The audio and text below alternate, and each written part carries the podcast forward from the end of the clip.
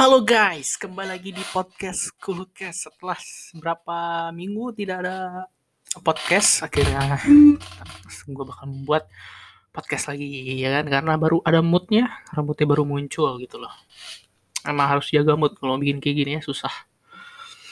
Kali ini gue membawakan salah satu konspirasi paling terkenal di dunia yang menyebabkan kita bertanya-tanya yaitu pendaratan bulan pada tahun 1969 jeng kan sound, sound efeknya jadi latar belakangnya itu ada sebuah buku tentang konspirasi pendaratan buku pertama yang bernama We Never Went to the Moon, America's 30 Billion Dollar Swindle dipublikasi dipubliskan pada pada 1976 oleh Bill Kaysing.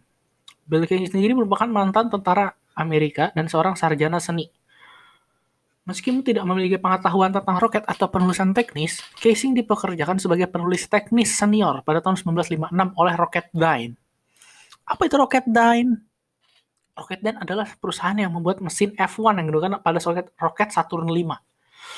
Jadi Saturn V itu adalah roket yang membawa astronot Apollo 11 ke bulan. Ya kan? Nah, di sini nih.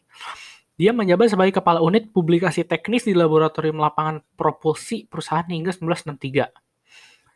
Pada 1980, Flat Earth Society menuduh NASA melakukan pendaratan dengan alasan bahwa mereka dipentaskan oleh Hollywood dengan sponsor Walt Disney, berdasarkan naskah oleh Arthur C. Clarke dan disutradarai oleh Stanley Kubrick. Motivasi pendaratan di bulan tentu saja karena ada perlombaan luar, luar angkasa dengan Uni Soviet di saat Perang Dingin.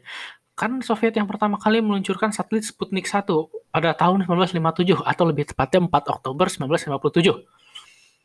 Dan ini adalah beberapa perdebatan yang menyebabkan uh, ada konspirasi ini loh. Apakah benar tahun 1969 itu uh, manusia pernah ke bulan? Karena kalau menurut saya ini, saya agak percaya dan tidak percaya. Soalnya tahun 1969 itu teknologi belum maju sekarang. Ya kan? Dan gue pernah baca juga katanya yang komputer yang bawa itu hanya membawa apa RAM-nya hanya cuma 4 kilobyte. Terus 1969 RAM 4 kilobyte itu segede apa ya? Hehehe. Tapi kenapa tahun 1969 bisa ke bulan dan sekarang tidak? Nah ini, ini ada beberapa poin yang akan gue bacakan di sini, ya kan?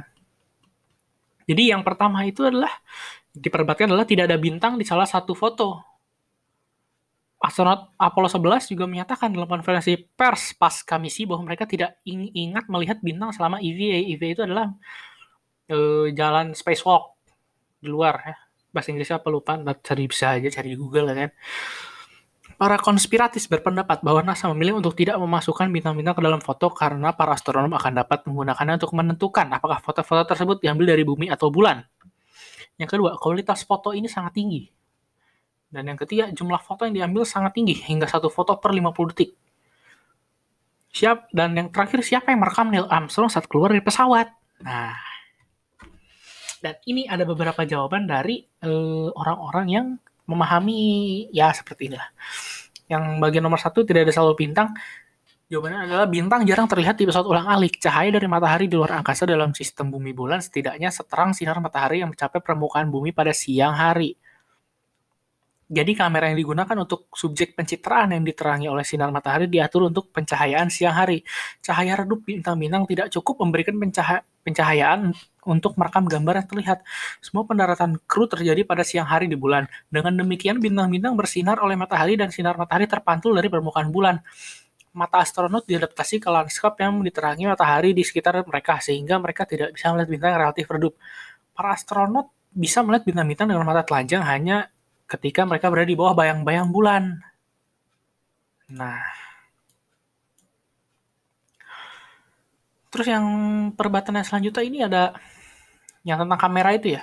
Pengaturan kamera eh Eh, ini masih yang tadi sama ya yang satu ya. Dan nanti lanjut aja, kita lanjut aja ke nomor dua biar cepat lah kenapa hasil fotonya dibilang tinggi, kualitas lebih tinggi. Padahal tahun 1969 kualitas fotonya harusnya masih ya berapa kali berapa belum ada HD kayaknya ya. Apa jawabannya? Ada dua jawaban, dua. Yang satu, ada banyak foto berkualitas buruk yang diambil oleh para astronot Apollo. NASA memilih untuk menerbitkan hanya contoh-contoh terbaik. Dan yang kedua, para astronot Apollo menggunakan kamera Hasselblad 500EL beresolusi tinggi dan optik Carl Zeiss dengan majalah film format 70 mm. Dan yang terakhir, bagaimana Neil Armstrong, siapa yang merekamnya dia saat keluar dari pesawat, ya kan? Jawabannya adalah kamera pada modul si pesawat pendaratannya itu. Kamera Apollo TV yang dipasang di modul Rise Equipment Storage Assembly atau MESA dari Apollo Lunar Module memberikan pemandangan dari luar. Sementara masih di tangga modul, Armstrong mengerahkan MESA dari sisi modul lunar, membongkar antara lain kamera TV. Kamera TV kemudian dinyalakan dan sinyal dikirimkan kembali ke bumi. Ini berarti bahwa lebih dari 600 juta orang di bumi dapat menonton siaran langsung hanya dengan sedikit penundaan. Teknologi serupa juga digunakan pada misi Apollo berikutnya, itu juga difilmkan dari kamera film 16 mm otomatis yang dipasang di jendela modul lunar. Tapi kan itu di tahun 1969, mengapa sekarang tidak ada lagi pendaratan di bulan?